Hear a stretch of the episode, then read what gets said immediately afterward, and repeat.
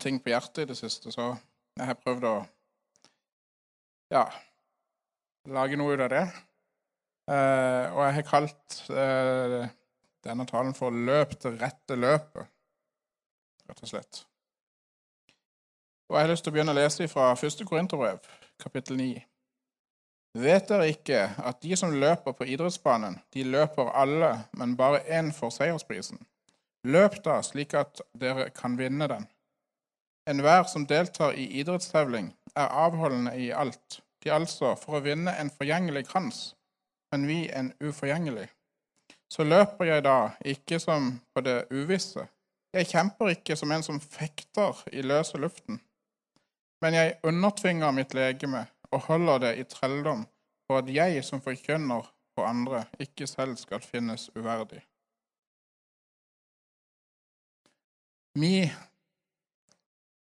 holder på å løpe et løp, enten du vil eller ikke. Så er vi på ja, på en idrettsbane, på en måte. Uh, jeg har tenkt mye på i det siste på endetida og ja Studert litt og hørt en del tale om endetida og sånn. Og, da har tankene mine gått til dette her med, med idrettsbanen. Og, og, da har jeg liksom stilt meg sjøl noen spørsmål. Hvordan løpet er mitt løp? Løpet er mot målet, eller bommer Disponerer jeg løpet riktig? Og tar jeg de rette valgene? Dette er ting som er veldig viktig å tenke gjennom, og som kommer til å Eh, ja, og eh, utarte seg i det løpet vi, vi løper. Og Det er så mange ting som prøver å få vekk fokuset vårt ifra målet. Eh, og vi, vi har jo et hovedmål, og det er Jesus og evigheten. Men vi har mange småmål i livet. Og mange av de småmålene kan òg bli en sånn ting som tar vekk vårt fokus fra det store hovedmålet. Det kan f.eks. være familie, det kan være jobb, det kan være venner, det kan være menighet, det kan være tjeneste, det kan være evangelisering, det kan være bønn, det kan være mange andre ting. Men hvorfor et løp er det rett å ta? Det er opp til deg og det Gud taler til deg om, det, er det kallet som du får over ditt liv. Uh, men hvordan løpet er sånn at de valgene jeg tar, de holder meg inne i løpet. Det er et viktig spørsmål å stille seg. Og Det er så mange sterke krefter i dag som prøver å ta fokuset vårt vekk ifra det, lø det løpet vi løper. Uh, for eksempel, jeg har vært en del opptatt av media i det siste, og det er jo en skikkelig sluger i forhold til dette med å ta vekk fokuset. Det kan virkelig være ja, en ting som tar vekk fokuset. Uh, det kan være f.eks.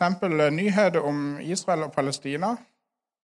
Uh, hva, altså, en fyrer seg kanskje litt opp når noen nevner noe av det motsatte en mener sjøl. Og en gjenger gjerne og diskuterer sånne ting istedenfor å ha fokuset på Jesus og, og liksom få fram Jesus i situasjonen når en prater med andre. Det kan være de po politiske sakene som pågår på Stortinget i dag. Og det er veldig mange ting som Eh, ja, som skjer på Stortinget.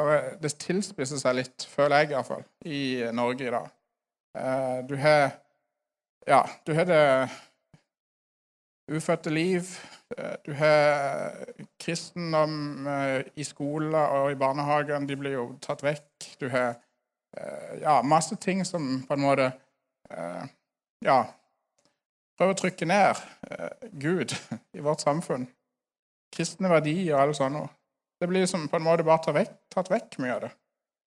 Og det er veldig sterke krefter som, som kan ta vekk fokuset vårt ifra det som egentlig er målet, og det er å fortsette å løpe mot det målet som vi, vi er på vei til. Det kan være det homofile nettverket som prøver å viske ut kjønn og gjøre alle mulige slags seksuelle ting lovlige i vårt samfunn i dag. Eh, det er veldig sterke krefter. Veldig sterke krefter. Eh, og det prøver å få oss vekk fra målet, fra å ha fokus på målet. Eh, det kan være personlig økonomi eller familieøkonomi. Vi ser at i dag så sliter mange med å, med å beholde et hus. For skal de ha et hus, så må de eh, ja, Normalt så må kanskje begge to være i arbeid. Eh, det er utgifter til ditt og datt, eh, til unger og alt mulig. ikke sant? Og eh, en må klare å holde seg innenfor økonomisk på en eller annen måte. Og det kan bli en bekymring som, som bare ja, overskygger hele dette her målet. Fordi at en må ha karriere, en må ha et karrierejag. ikke sant? Og Eh, en må gjøre rette valgene hele tida for å klare å få dette her økonomiske til å gå i sammen. Og Det er jo sterke krefter som kan ta vekk fokuset vårt fra målet. Har du noen gang prøvd å gå opp ei rulletrapp som går feil vei? Har du prøvd det? Ungene våre gjør det stadig vekk. Eh, når vi går ned den som går rett vei, så går det den som går motsatt vei. Men så er det sånn at hvis du begynner å gå oppover den trappa, og så stopper du å gå, så blir du fort dratt nedover igjen. Ikke sant? Du vil havne der nede, da. Og Sånn kan det jo være litt med livene våre innimellom. At uh, ja, vi, vi, går på, vi kjemper på, vi vi uh, løper dette her løpet, ikke sant? Og så plutselig så er det et eller annet som skjer, og så Oi! Og så blir en bare dratt nedover til det gamle, til det, det som før var det livet en levde, på en måte. Men dette er ikke noe nytt. Dette er noe som har skjedd helt ifra verden ble skapt, og det er første punktet mitt. Det begynte i Edens hage. For Gud sa til Adam og Eva at dere kan spise hvilket tre dere vil i hagen. Men eh, treet til kunnskap om godt og ondt må dere ikke spise. Og så kommer slangen, Satan, og så frister han dem. Og så blottlegger han sin egen synd for mennesket. For han vet det var der han falt. Kanskje mennesket vil falle på samme måte. Så han sier, 'Har Gud virkelig sagt?'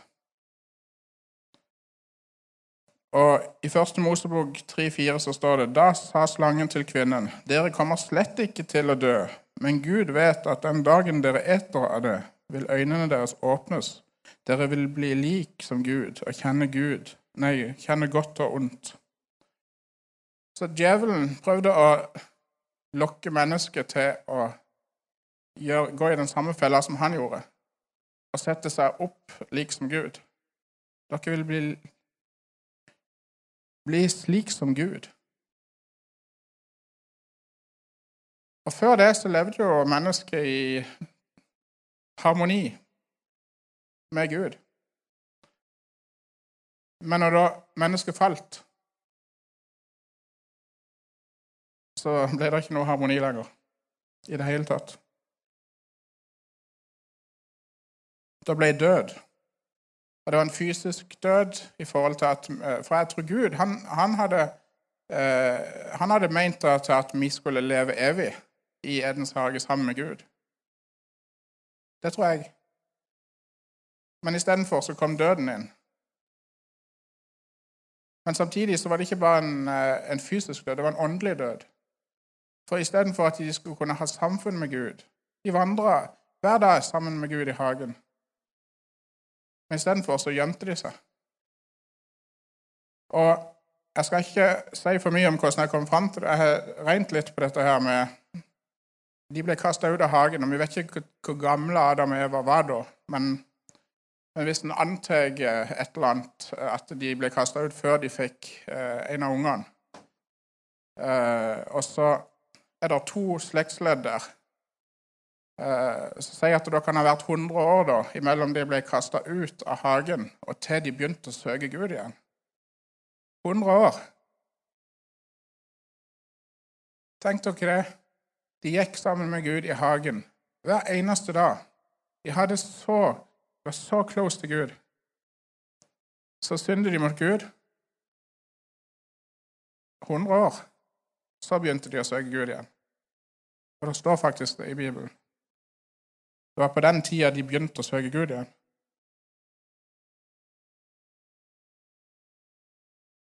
Så det er litt av en atskillelse. Så synd, det atskiller dere fra Gud. Synd skaper en atskillelse, en naturlig atskillelse. For det er en, en Ja. Det er noe der. Andre punktet Peter. Peter han var en av de tolv som ble valgt av Jesus til å være disippel. Eller lærling, om du vil. Han vandra sammen med Jesus i tre og et halvt år. Han opplevde så mange ting sammen med Jesus. Han så tegn og under. Han så Jesus reist opp fra de døde, eller reise opp døde. Eh, han hørte Jesus lære og forkynne. Han så tyve vende om fra uh, å bli fri fra synd. Han så Jesus vende om hore, tollere, drapsmann fra sin synd. Han så Jesus stille stormer, mette tusener, velsigne små barn. Han så Jesus skinne foran seg i en himmelsk glans når de var oppe på fjellet. Han opplevde så mye sammen med Jesus. Allikevel så mista han fokuset. For når han gikk inn når Jesus eh, ble stilt for rådsherren, så fulgte Peter med. For han ville se han er nysgjerrig. Hva er det som skjer nå?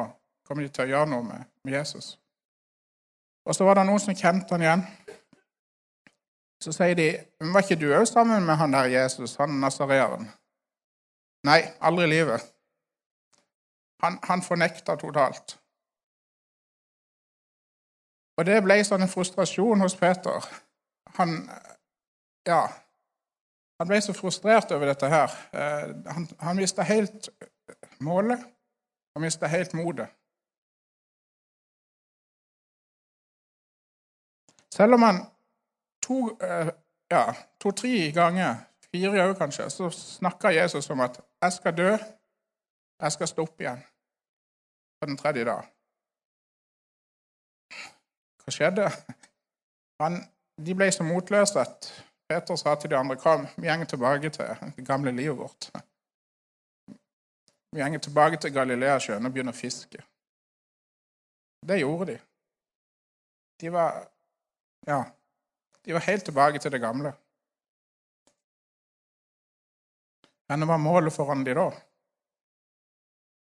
Det var kanskje bare et fjernt mål. sånn. Men Jesus han visste at han måtte komme tilbake til Peter og oppmuntre han, sånn at han kunne komme på sporet igjen. Og Han kom der Galilea, med Galileasjøen mens de var ute og fiska. Da han kom tilbake fra fiske, så kommer han på stranda. Og da ser de at det er jo Jesus. Da får han oppmuntre dem til å virkelig ta løpet.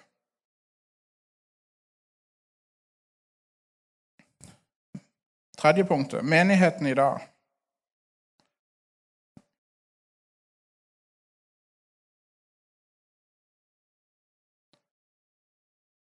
Det gjelder for oss å ha blikket festa på Jesus.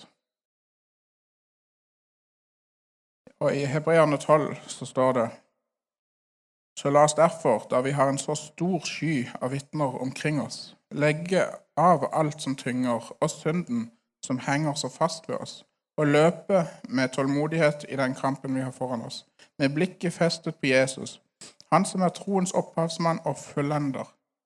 For å oppnå den gleden som venter ham, led han tålmodig korset, uten å akte vanære, og har nå satt seg på høyre side av Guds trone. Ja, gi akt på ham som utholder en slik motstand fra syndere, for at dere ikke skal gå trette i deres sjeler og bli motløse. Vi har en stor sky av vitner rundt dere. Vi har de troende, og vi har englene, og vi har Gud som følger med på oss. Vi har en sky av vitner som ser på oss når vi løper på denne herre. dette her løpet vårt.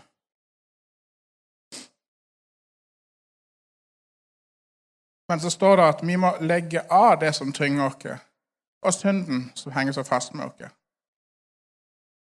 Vi må legge det av oss. Hvorfor mista Adam og Eva fokuset? Fordi de var opptatt av hva andre mente.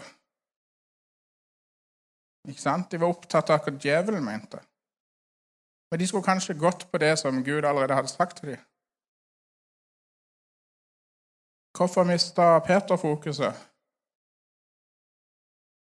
Fordi han var opptatt av hva andre mente. Her, disse her folkene som kjente han igjen. Var ikke du òg sammen med han der eh, nasareeren? Hadde de hatt media i den tida, så hadde det kanskje stått i avisa at mannen som trodde han var Guds sønn, er pågrepet og stilles for retten. Eh, kommer hans etterfølgere til å ta plassen til denne jødenes konge? Ypperstepresten har opprettet en gransking for å finne ut hvem av disse tolv etterfølgerne var, og hva som kan gjøres dersom opprøret fortsetter. Har opprøret endelig kommet til en ende, kommer denne Jesus, som kaller seg jødenes konge, til å bli korsfestet for blasfemi. Ypperstepresten har ingen tvil når han sier at Jesus er ikke jødenes konge, og han er ikke den Messias som vi venter på. Tror dere ikke sånn noen ting hadde stått i avisa? Men de hadde ikke avis på den måten da. ikke sant? Så, men, men det, det, gikk via at folk fortalte det til hverandre. ikke sant? Så, og Jerusalem var ikke så stor på den tida som, som det er sikkert er i dag. ikke sant? Så det, det gikk lettere eh, mellom munn til munn.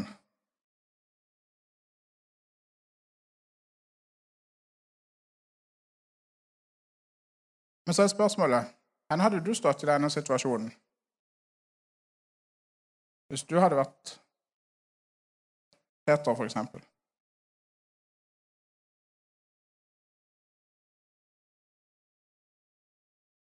Jødene visste hvem Jesus var på den tida. De visste hva han sto for, de visste hva han hadde gjort. Og de visste det opprøret som de mente kom derifra. ikke sant?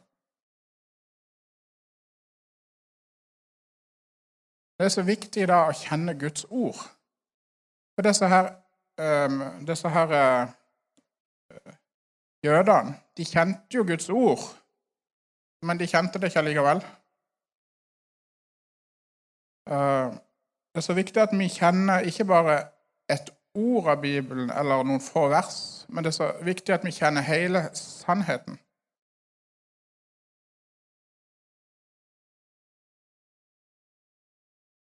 I Johannes 1 så står det i Johannes 1, 1, I begynnelsen var Ordet, og Ordet var hos Gud, og Ordet var Gud. Han var i begynnelsen hos Gud.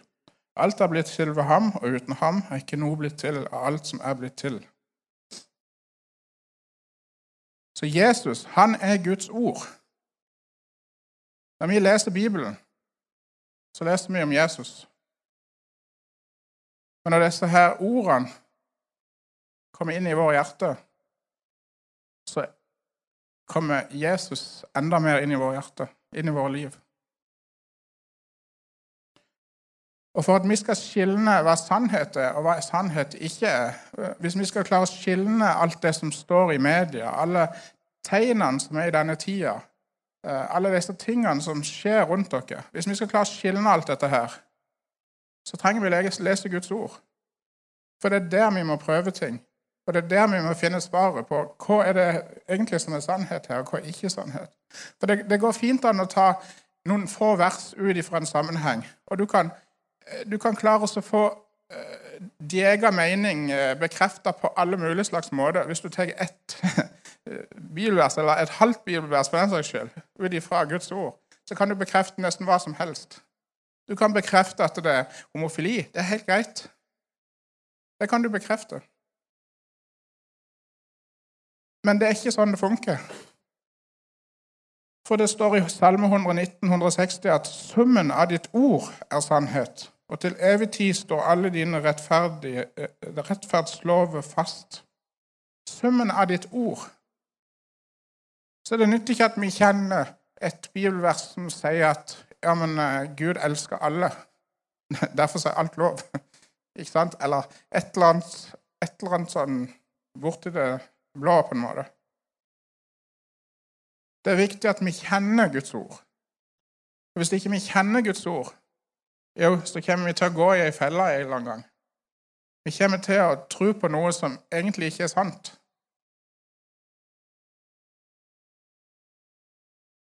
Og det,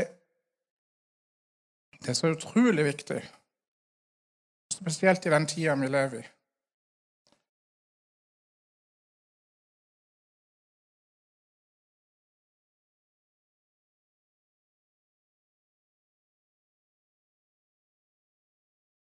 I Johannes 8 så står det Jesus sa da til de jøder som har kommet til tro på ham. Dersom dere blir i mitt ord, da er dere i sannhet mine disipler, og dere skal kjenne sannheten, og sannheten skal frigjøre dere. Så hvis vi blir i Guds ord, så er vi hans disipler. Altså hvis vi blir i Jesus, bli i Hans ord. Bli, bli Jesus. Så er vi hans disipler. Og da skal sannheten frigjøre oss. Jesus sier jo 'Jeg er veien, sannheten og livet'.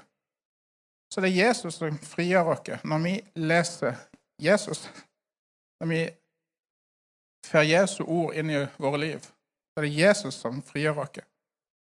Jesus er sentrum. Han er han er midtpunktet for alt. Og han er Guds ord. Han frigjør oss med sitt ord. Så jo mer vi kjenner Guds ord, jo mer frie er vi fra alle mulige ting som er i livet vårt som ikke skulle vært der. Jo mer kan vi eh, rive oss frie fra den synden som henger så godt fast med oss. Det er det som er den rette måten å gjøre det på. Det er å kjenne sannheten. Altså, vi kjenner Guds ord sånn at vi har ikke lyst til å gjøre noe av det der. For det er Guds ord frigjør oss fra det. Da kan vi legge av alt det som tynger. Da kan vi løpe det løpet som Gud har satt foran oss.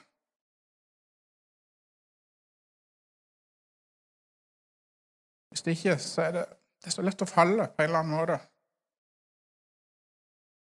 Det er så mange store forkynnere og alt mulig som har falt på grunn av at de har gjort et eller annet som ikke de bør gjøre, som egentlig står klart i Bibelen, men de har gjort det likevel.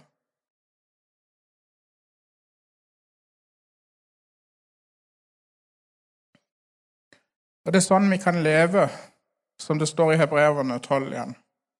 Så la oss derfor, da vi har en så stor sky av vitner omkring oss, legge av alt som tynger, og synden som henger så fast ved oss, og løpe med tålmodighet i den kampen vi har foran oss. Da kan vi være tålmodige, med blikket festa på Jesus, han som er troens opphavsmann og fullender.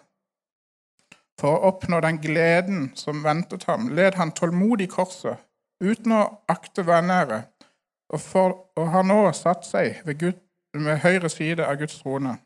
Ja, gi akt på ham som utholder en slik motstand fra syndere, for at dere ikke skal gå trette i deres sjeler og bli motløse. Vi har en modell. Vi har en som har gått foran oss. Han han gikk gjennom alt for vår skyld. Han tok på seg all vår synd. Han led rett i døden. Allikevel så klarte han å gå gjennom det. Det var hans løp her på jorda. Han døde. Han gikk ned til dødsriket. Og han vant en kjempeseier for oss. Og så sto han opp igjen og sitter med Guds høyre hånd i dag. Og han er ikke passiv der oppe. Han ber for oss, og han heier på oss. Og han vil at vi skal nå det målet som han har satt.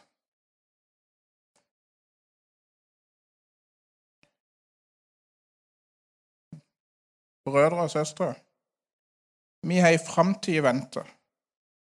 Vi er skapt til fellesskap med Gud, og Guds ord sier at vi skal være rede når Jesus kommer i skyen og skal hente sin menighet til himmelen for å feire bryllup. Vi trenger å ha olje på lampa. Vi trenger å legge av alt som tynger, og alle synder som henger så fast med oss. Vi må komme til Jesus, Guds ord, sannheten, for at Han skal gjøre, frigjøre oss. Vårt fokus, vårt blikk, må være festa på Jesus, og ikke på de daglige bekymringene og meningene som er rundt dere. La fokuset vårt være festa på Jesus, og ikke det vi leser i media. Det betyr ikke noe om, noen, om du får ett like, eller om du får 1000 likes. Det betyr ikke noe om Erna eller Jonas eller VM blir statsminister. Gud har full kontroll, og det har han hatt siden tidenes morgen. Han har alltid en vei for oss. Vi kan alltid stole på han. Blir ting for tøffe, så løft blikket og se på Jesus. Han bryr seg om sin forlovede. Og det er det vi er. Er Jesu forlovede, menigheten, Jesu brud som skal være med til eh, himmelen og feire bryllup. Og det er faktisk det viktigste valget og det viktigste målet som vi har i livet. Det er hva vi gjør med livet.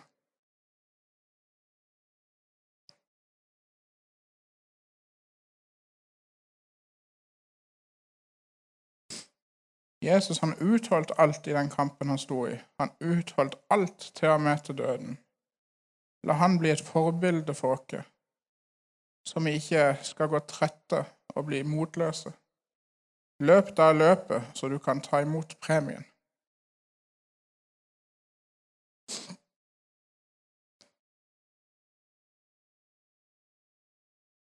Kjære Jesus, jeg takker deg, Herre, for det at du er ordet.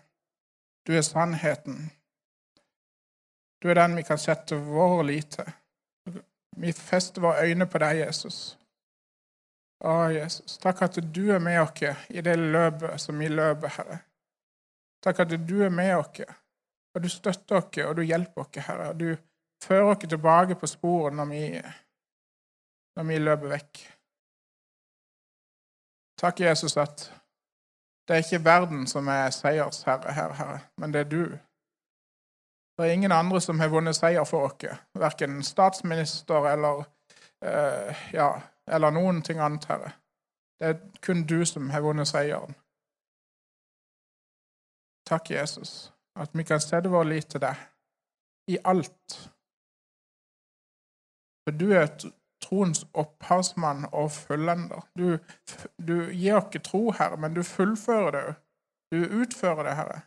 Du var du var ordet i begynnelsen, Herre.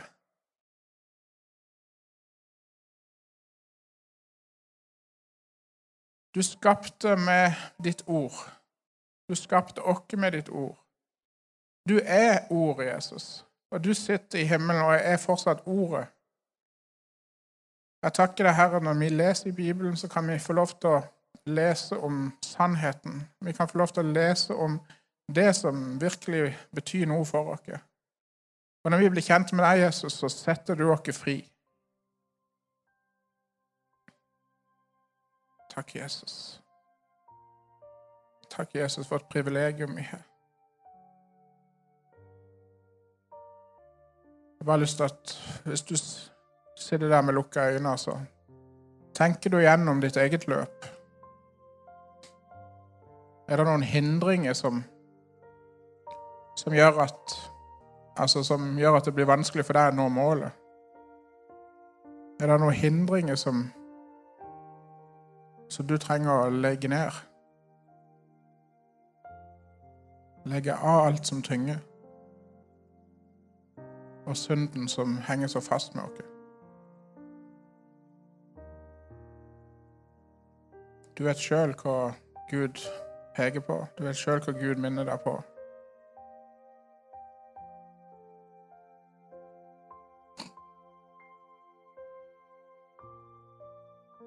Takker deg, Herre, for det at det løpet som vi går, Herre, det løper vi ikke aleine, Herre. Vi løper det samme med deg. Jesus. Takker deg, Herre, for det at du er med og hjelper oss gjennom ting som som blir som en hindring for oss, Herre. Som sinker oss. Som gjør at ikke vi kan springe med full kraft. Jeg ber Herre om at du gir oss styrke, Herre, til å overvinne disse herre hindringene, Herre. Jeg ber om at du hjelper oss til å til å plukke de vekk, Herre.